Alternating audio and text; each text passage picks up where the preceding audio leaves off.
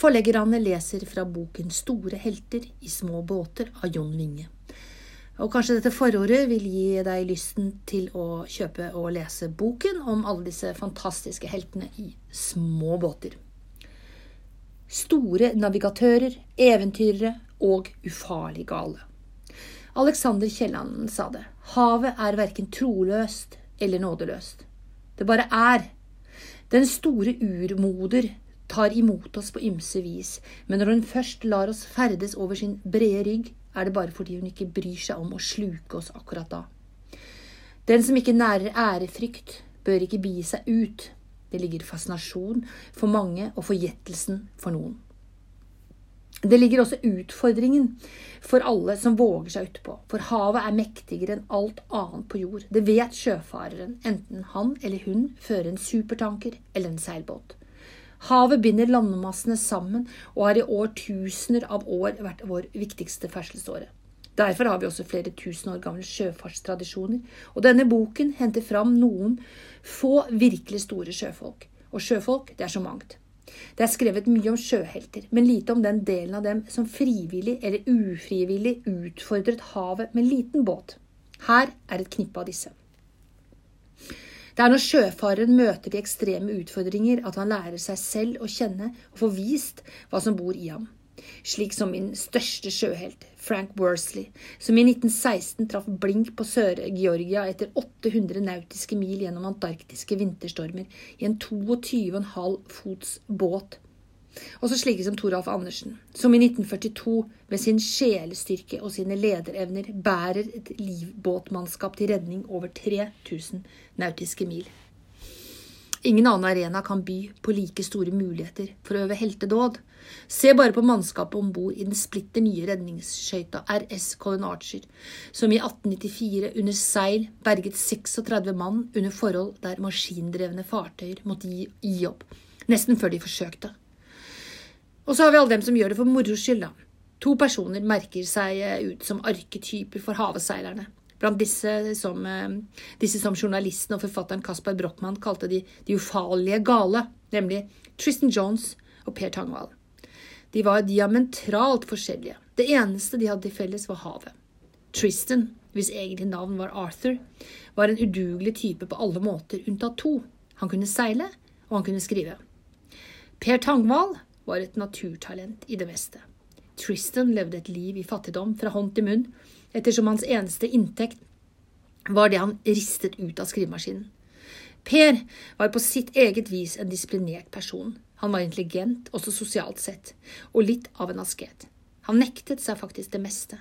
Han rørte ikke alkohol, han røkte selvsagt ikke, og han skygget unna selv for te og kaffe. Etter en matforgiftning tidlig i havseilerkarrieren ble han også vegetarianer. Tristan på den annen side nektet seg intet av det han til enhver tid hadde penger til, og gjerne litt til. Han var sønn av en fattig, ugift mor og fikk det meste av oppveksten i diverse barnehjem. Den unge Per ble degget og drugget, drøgget av psykiatere og en engstelig mor.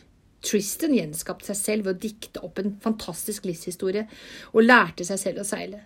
Per ble i barndommen reddet av en ressurssterk og besluttsom far som kjøpte en seilbåt og ansatte en sjømann til å gi ham opplæring åtte timer i døgnet, syv dager i uken, uken uansett vind og vær, i to måneder. Som niåring kunne han trolig, trolig mer om seiling, reving, bauing, ankring og alt det andre enn de fleste lærer i løpet av hele livet. Mens Tristan gjenskapte seg selv ved å dikte opp en heroisk fortid og jobbe seg inn i den, var Per kanskje først og fremst taoist han hadde iallfall intet behov for å være noe annet enn seg selv. Men jeg tror han brukte en eh, god del av livet til å finne ut hvem, hvem det var. Om han rakk det før han gikk i døden med båten sin, er en annen sak. Når vi ser på Nicholas Ward i denne sammenhengen, er det for å la ham stå som arketypen til det moderne, vestlige mennesket. Som ikke lenger får spenning nok ut av kampen for det daglige brød. Som ikke er en kamp lenger, det heller. For Niklas' tilfelle var havseilingen også en uendelig kamp mot et handikap og en trang til å være like god som enhver annen mann. Og det var han, med godt mål. Sånn sett står han ikke tilbake for noen. Havkappseilas anses av mange som den ypperste utfordring. Anstrengende, ubehagelig, med et anstrøk av fare. Forferdelig dyr og fremfor alt totalt hensiktsløs. 1960-tallet var tiden for de ekstreme kappseilasene med helter som Francis Chichester, Robin Knox Johnson og Motissier. Veldig forskjellige personligheter med det felles at de søkte det ekstreme på havet, alene. En enorm egotripp. Og nok et eksempel på at mennesket streber etter å overvinne seg selv ved å utfordre det største som finnes. Likevel er disse blitt alminnelige etter hvert. I stedet dykker vi ned i historien om Donald Crowhurst, en av de største drømmerne som seilte seg inn i det ultimate marerittet, og Jusha Slukkum er selvsagt med. Stamfaren til alle som seiler på havet for moro skyld. Disse og mange flere møter du mellom disse permene.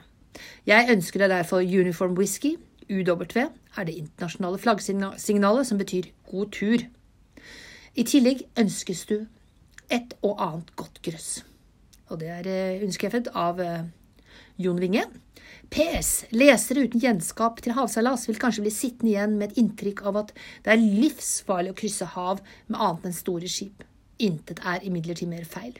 Til enhver tid er tusen seilbåter på vei rundt kula, og de kommer trygt hjem igjen, praktisk talt alle sammen.